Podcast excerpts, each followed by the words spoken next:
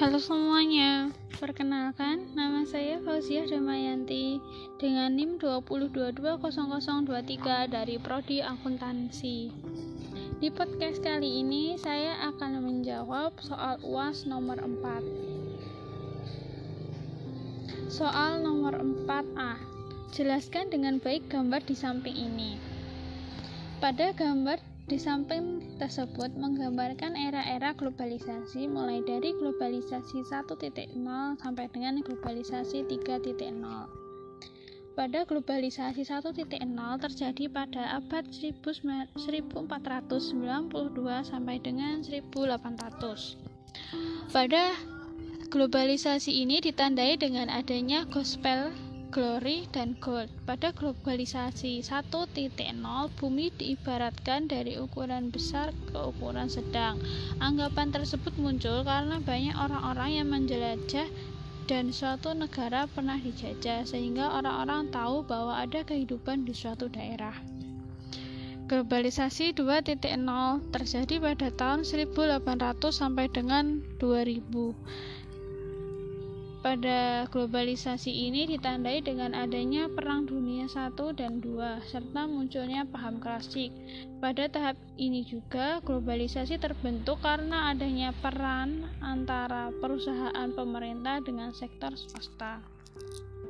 Globalisasi tidak 3.0 terjadi pada tahun 2000 sampai sekarang, yang ditandai dengan adanya Perkembangan teknologi seperti PC, fiber optik, jaringan internet, dan platform digital, sehingga anggapan dunia yang dulunya sehingga anggapan orang-orang mengenai du dunia yang dulunya dunia kecil menjadi semakin tipis karena orang-orang mampu menjelajahi dunia menggunakan teknologi yang berhubungan dengan internet tanpa harus pergi ke suatu daerah. Soal 4B. Apa hubungan antara globalisasi dan sistem informasi? Hubungan antara globalisasi dan sistem informasi ternyata memiliki hubungan pada ternyata memiliki hubungan karena munculnya globalisasi ditandai dengan adanya kemajuan teknologi pada bidang informasi yaitu munculnya jaringan internet atau international network.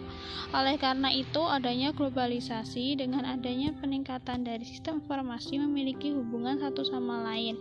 Tanpa adanya globalisasi, sistem informasi tidak akan secanggih ini dan tujuan adanya sistem informasi yang canggih untuk memudahkan user mengakses segala informasi baik dari dalam negeri maupun dari luar negeri dan dengan menggunakan jaringan internet yang dapat menghubungkan ke berbagai negara.